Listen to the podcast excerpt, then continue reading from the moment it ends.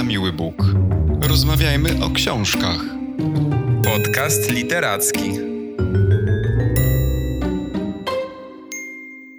Cześć, dzień dobry, witajcie w kolejnym odcinku podcastu na miły Bóg, a jest to odcinek specjalny, bo podsumowujący ten sezon, bowiem oto na dwa miesiące musimy się rozłączyć, odpocząć, przeczytać jakieś inne lektury, niekoniecznie nadające się do podcastu z różnych względów. E, I w związku z tym dzisiaj spotykamy się z Kamilem e, po to, aby porozmawiać trochę o tym, co najbardziej nam się podobało w tym drugim sezonie, a co najmniej. Cześć Kamilu. Cześć Maćku, witajcie wszyscy. Tak jak powiedziałeś, dzisiaj podsumujemy, wskażemy swoje top 3 tego ostatniego półrocza, top 3 książek, które zrobiły na nas największe wrażenie. E, w celu takiego krótkiego podsumowania dodam jeszcze, że omówiliśmy w tym sezonie od stycznia do lipca prawie 23 książki. E, mieliśmy wśród e, naszych 23 odcinków pięciu gości, za co serdecznie też dziękujemy tym gościom. Mamy nadzieję, że w przyszłym sezonie, trzecim już, zgłosicie się do nas i będziecie chcieli rozmawiać o, o swoich książkach, o których chcecie powiedzieć innym. E, I tak jak Maćku powiedziałeś, powiedzmy, co w tym półroczu, co w tym sezonie zrobiło na nas największe wrażenie. Podam pierwszą książkę z tego mojego top 3. Tutaj kolejność nie ma znaczenia, wszystkie oceniam na równi. Pierwszą książką, też omawianą na początku tego sezonu, są Cudze Słowa Wita Szostaka. Książka, która w celu przypomnienia powiem, opowiada o studencie filozofii Benedykcie Rysiu. E, opowiada z siedmiu różnych perspektyw. E, I to jest wyjątkowe w tej książce. E, pamiętam, że było to dla nas wyjątkowo interesujące podejście, kiedy mogliśmy śledzić to, jak jedne sytuacje, jedne relacje były oceniane przez siedem różnych osób, często oceniane były w bardzo różny sposób. I rzeczywiście tutaj e, Wit Szostak stworzył taką mozaikę oceny, opinii ludzi na temat jednej osoby i na temat jednego życia tego głównego bohatera. Bardzo dużo interesujących zabiegów, nawiązujących również do Ewangelii e, w ramach tej opowieści było E, nasz główny bohater jawił się jako Jezus i był taką enigmatyczną postacią, która wzbudzała ogromne zainteresowanie i zaangażowanie czytelnika. Żałuję troszkę, Maćku, że Wit Szostak nie został nominowany w tym roku do Nike. E, uważam, że to jest wyjątkowo interesująca książka i serdecznie ją wszystkim polecam. Co sądzisz o cudzych słowach? No, ta książka też jest w mojej e, trójce, na drugim miejscu, bo ja, ja mam miejsce. Więc to jest książka na drugim miejscu. E, aczkolwiek te różnice między pierwszym a drugim, umówmy się, że są minimalne. No to jest wspaniała książka, naprawdę. Pamiętam, że bardzo trudno mi się czytało ją na samym początku, jakoś tak mnie nie wciągała, ale później to się zupełnie zmieniło. Też żałuję, że Szostak nie jest nominowany do literackiej nagrody Nika.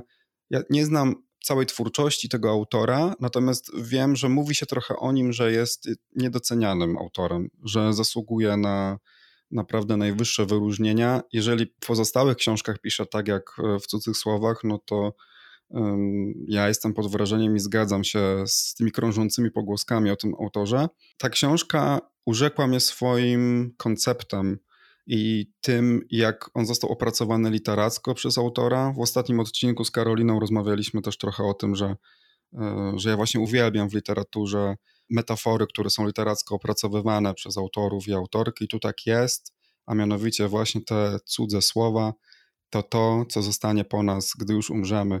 Że właściwie żyjemy tak długo, jak ktoś inny o nas będzie mówił. I to, co po nas zostaje, to są właśnie te e, cudze słowa, bo swoich już przecież, prawda, nie mamy. To mi się bardzo podoba, to jest fajnie pokazane właśnie w tej książce. Co jeszcze mnie tutaj urzekło, to tak jak ty powiedziałeś, też ta struktura, właśnie ta budowa, E, bardzo trudna, skomplikowana. E, te, te, relacje na temat jednego bohatera aż siedmiu e, narratorów, narratorek. Wspaniała tam jest też gra językowa, sposób w jaki Witrzostak operuje językiem. No to jest po prostu na najwyższym poziomie. To jest książka, którą uważam w tym roku powinien przeczytać każdy słuchacz i słuchaczka naszego podcastu, bo to jest naprawdę bardzo, bardzo wartościowa literatura. Zgadzam się i ona też y, w bardzo dosadny sposób demaskuje taką nieuchwytność y, opisu człowieka, ponieważ jakby widzimy, że bohaterowie próbują opisać Benedykta, próbują go zrozumieć, natomiast trochę im nie, nie, to nie wychodzi i tam widać tę taką jakby fragmentaryczną, jednoperspektywiczne spojrzenie na bohatera, mimo że właśnie przedstawiane przez siedem osób, które w rezultacie i tak nie daje takiego efektu zrozumienia i pełnego opisania tej osoby. To jest właśnie wyjątkowe. W cudzych słowach to się też wszystko bardzo pięknie zazębia w tej historii, pozostawia kilka też zagadek dla, dla czytelników i y, zgadzam się z Tobą. Cudze słowa są książką, którą jeśli miałbym polecić y, jako jedyną książkę z tych, które przeczytaliśmy w ostatnim pół roku, to właśnie byłaby to ta książka. Y, także drodzy słuchacze, drogie słuchaczki, cudze słowa serdecznie Wam polecamy. Mi tam się jeszcze bardzo podobało, dodam, mm, to budowanie mitu wokół bohatera i to pytanie, kto tak naprawdę opowiada w pełni o sobie. My czy ktoś o nas i czyja wersja jest y, prawdziwa bo pamiętam, że rozmawialiśmy w tym odcinku o tym, e, że kiedy my mówimy o sobie, to znaczy opowiadamy swoją historię, no to mamy jednak taką tendencję do no, wybielania się, prawda, budowania takiego własnego mitu. Często jest to takie właśnie kreowanie wizerunku i tak dalej. No i jest też ta druga właśnie opowieść o nas, czyli opowieść e, stworzona przez innych ludzi. I takie pojawia się właśnie pytanie, która z tych historii jest prawdziwa i która y, bardziej mitologizuje. Ale to jest y, bardzo, bardzo fajne zagadnienie i myślę, że gdzieś tam w książce mm, y, można znaleźć odpowiedź na ten temat. Dobra. Drugą książką, jaką zrobiła na mnie ogromne wrażenie i którą pamiętam do dziś i, i, poszczególne rozdziały zostały mi w głowie, jest Bez matek y, Miry Marcinów. Mimo takich moich wątpliwości co do jakby literackich wartości tej książki, bo ciągle gdzieś bije się we mnie konflikt, czy, mm, czy ta forma, czy ta treść jest literacko uzasadniona i czy jest jakby też y, czymś wyjątkowym, jeśli chodzi o wartości czytelnicze i, i, i pisarskie, to y, nie mogę po prostu ukryć, że Bezmatek w mojej głowie jest do dziś.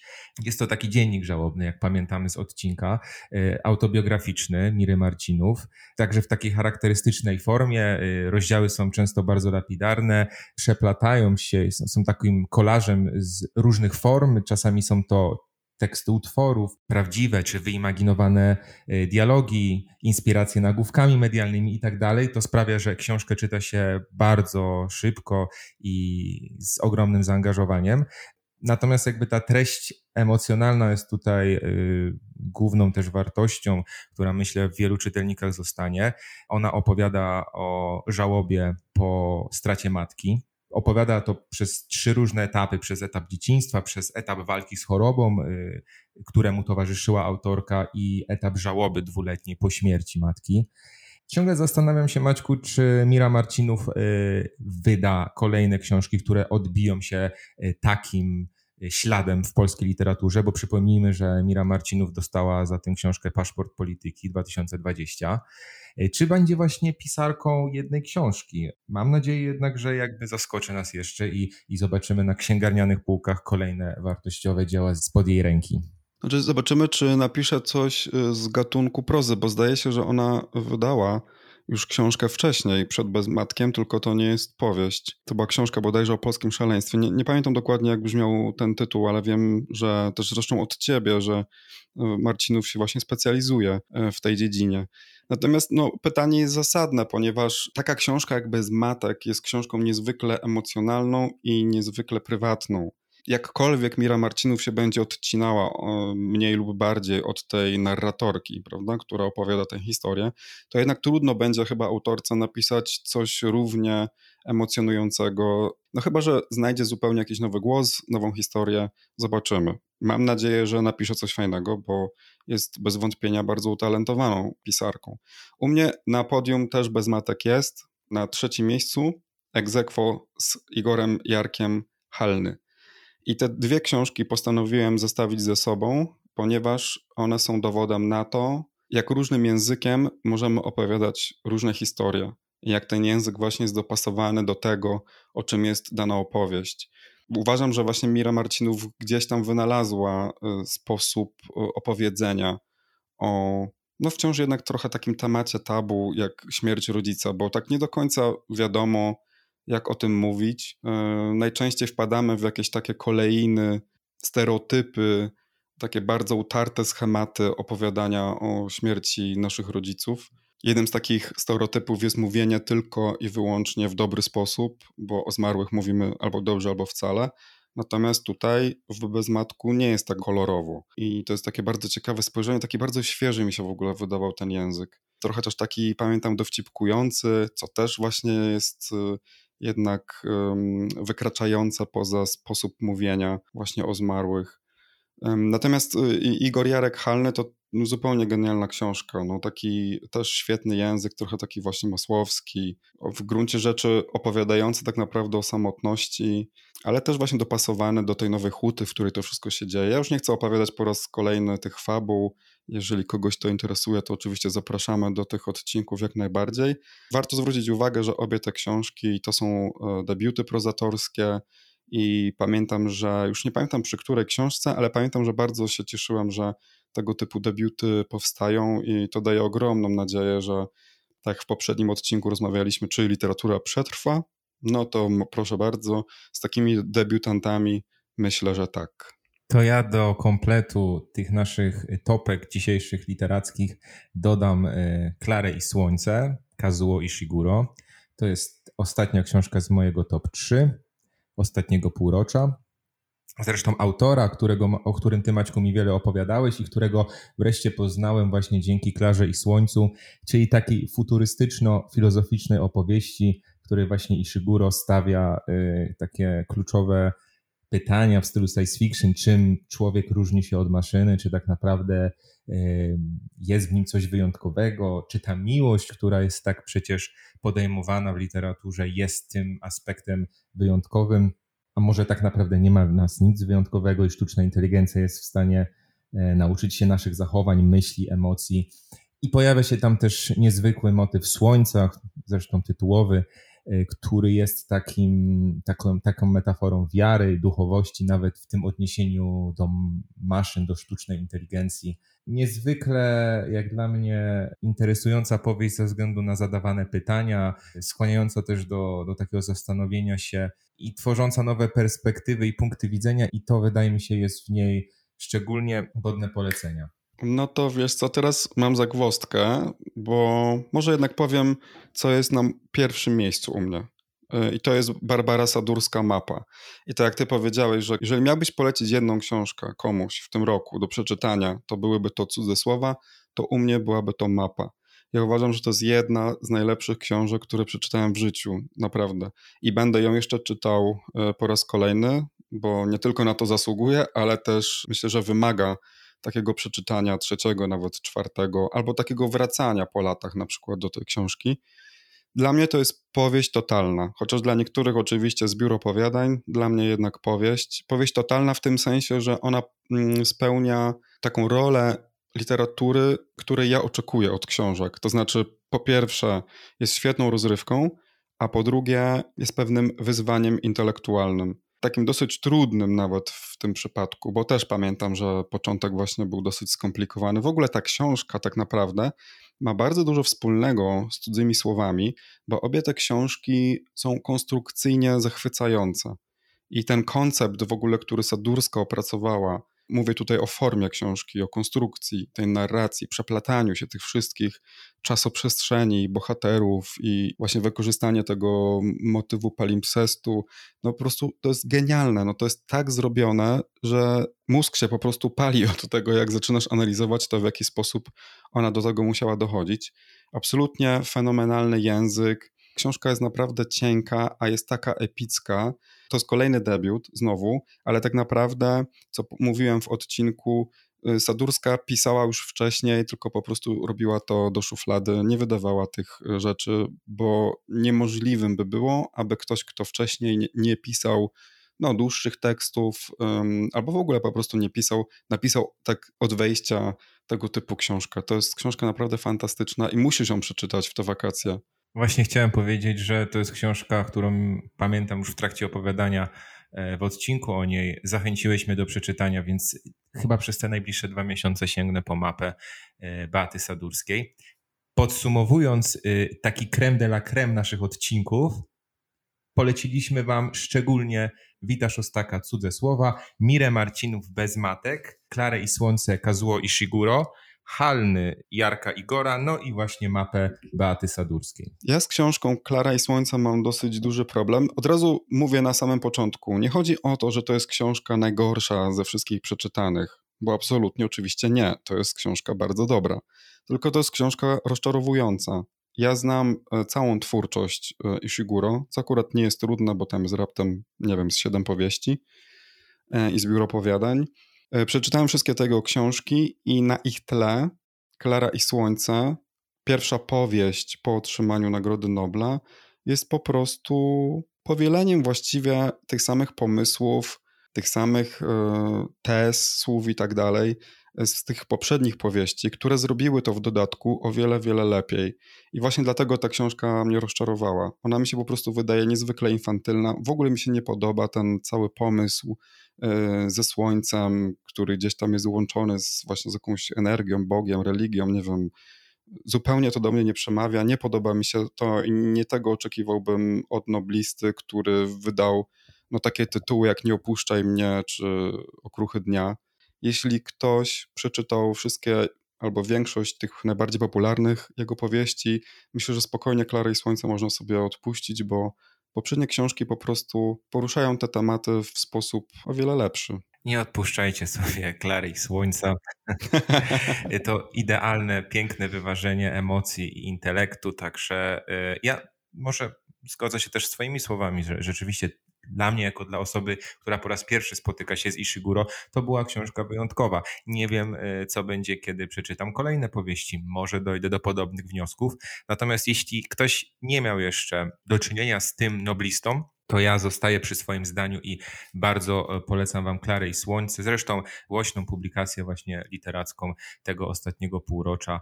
Ja bym jeszcze chciał dopełnić, że z tego co pamiętam, gdzieś w genezie tej książki była chyba próba napisania książki dla dzieci. I właśnie to, co później z tego powstało, czyli powieść jednak dla dorosłych, bo, bo to, co Ishiguro na początku pisał, okazało się zbyt makabryczne, albo miałoby być zbyt makabryczne dla dzieci, to ja jednak bym został właśnie przy tym pomyśle, żeby to była książka dla dzieci. Ale zgadzam się z tobą, że tak, że jeżeli to jest pierwsze spotkanie z Ishiguro, to oczywiście ta książka może oczarowywać, bo, no bo Ishiguro jednak jest pisarzem wielkim, jednym z moich ulubionych, więc tak jak najbardziej polecam z zastrzeżeniem. O, może tak. A powiedz mi, czy ty masz jakieś plany czytelnicze na te wakacje? Jeśli chodzi o plany na najbliższe dwa miesiące, to poza tym, że będę chciał nadrobić mapę sadurskiej, to postanowiłem sobie sięgnąć trochę e, do źródeł takich bardziej klasycznych, podnieść swoją wiedzę na temat też filozofów klasycznych, Ludzkie arcyludzkie, tę książkę na pewno przeczytam, to dzieło Fryderyka Niczego. I tutaj e, myślę, że książka nieszczególnie nadająca się do podcastu, o tym autorze e, powiedziane jest już bardzo wiele, więc rzeczywiście być może nie do podcastu książka, natomiast zawsze chciałem takie klasyki też nadrabiać. I to będzie idealny czas. Nie wiem, co będzie później. Te dwa miesiące też na pewno szybko miną, więc jakoś nie robię sobie listy książek do przeczytania. Podejdę do tego spontanicznie, poza tymi dwoma tytułami. Okej, okay. ja mam trzy takie książki, już mam je kupione, leżą na biurku i czekają.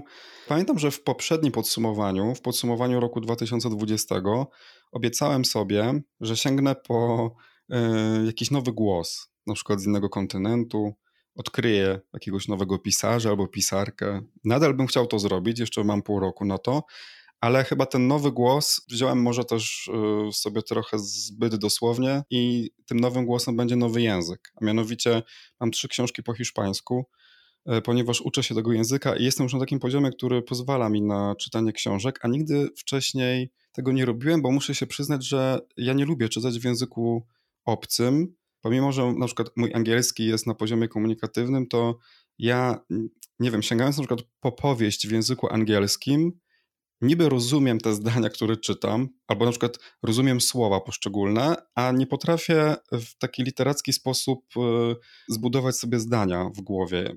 muszę tłumaczyć gdzieś to po drodze. I to w ogóle absolutnie nie jest tak przyjemne czytanie jak w języku polskim. Mam podobnie. Jeśli czytam książki w języku angielskim, bo to jest jedyny język obcy, który pozwala mi na czytanie literatury, to robię to bardziej w celach właśnie języka, y, poznawania języka obcego, niż właśnie dla satysfakcji czytelniczej. Natomiast to, co ty mówisz, yy, też odzwierciedlone jest w dzisiejszej twojej prezentacji top twoich książek, bo zauważ, że wszystkie cztery książki, które wymieniłeś, to są książki autorstwa polskich twórców, więc e, to też świadczy o tym, że może tę literaturę e, polską odbieramy w sposób najbardziej złożony i głęboki. No ale wracając do tych książek, które chcę przeczytać, to są książki, które mają mi właśnie pomóc y, troszeczkę lepiej mówić po hiszpańsku i, i więcej rozumieć, dlatego też nie są to powieści, bo jednak powieść wydaje mi się, że byłaby zbyt wymagająca jeszcze na tym etapie. Ale uwaga, to są książki Mario Vargas Llosa, no super, bo ostatnio rozmawialiśmy o nim przy okazji dwóch samotności. Był jednym z bohaterów tego dialogu, który został tam e, zapisany.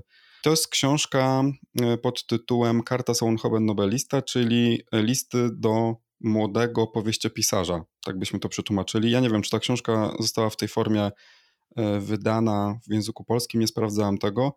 To jest książka, która jest. Ona nie jest poradnikiem pisania, ale opowiada o pisaniu powieści. Sam Vargas Llosa zresztą podkreśla, że to nie jest taki poradnik właśnie jak napisać bestseller czy jak napisać powieść, Bardziej jest to zbiór jego esejów na temat takich zagadnień jak narrator, czas, wyobraźnia, imaginacja, fikcja, realizm magiczny i tak dalej, i tak. Czyli to jest też coś, co ja bardzo e, lubię w lekturach, czyli książki o literaturze od tej strony warsztatowej, szczególnie jeśli one są pisane właśnie przez uznanych pisarzy e, i pisarki. Bardzo nie lubię w ogóle książek, które są poradnikami pisania, i są one napisane przez takich no-name'ów. Jak można napisać książkę, jak napisać bestseller, skoro nie napisałeś żadnego bestsellera. No więc tutaj y, akurat nie ma tego problemu. Drugą książką, już streszczam się, drugą książką jest, są listy Salvadora Dalego do Federico Garcia Lorki, więc też forma łatwa, bo listy są krótkie, czasami na jedną stronę, na dwie, tam są jakieś zdjęcia, tych artystów łączyła bardzo ciekawa relacja, też myślę, że miłosna. E, I to są listy z lat 1925-1936. E, Dali jest jednym z moich ulubionych artystów, mimo tego, że miał takie bardzo komercyjne podejście mm, do sztuki, może nawet trochę za bardzo, no ale nie można artyście zabraniać zarabiać na swoich dziełach. Lorki nie znam za bardzo. E, trochę o nim słyszałem, natomiast nie znam jego twórczości, bo niestety nie czytam zbyt dużo poezji. No więc trzecią książką po hiszpańsku będzie po prostu antologia wierszy Federico Garcia Lorki. Zobaczymy, co z tego czytania wyniknie. Także ja mam hiszpańskie wakacje. No zdecydowanie podwyższyłeś sobie poziom a, i to wyzwanie jest bardzo ambitne. Życzę Ci powodzenia. Naszym słuchaczom życzę wspaniałych doznań literackich przez te wakacje, przez to lato, które już do nas przyszło. Y, mam nadzieję, że będziecie czekać na nas i że wszyscy usłyszymy się y, we wrześniu w nowym sezonie podcastu Na Miły Bóg. Ja również bardzo dziękuję. Mam nadzieję, że usłyszymy się za dwa miesiące z jakąś nową książką, albo może właśnie z takimi refleksjami po tych wakacyjnych lekturach. No to cóż, Miłych lektur i do usłyszenia. Dziękuję. Do usłyszenia. Na miły Bóg. Rozmawiajmy o książkach. Podcast literacki.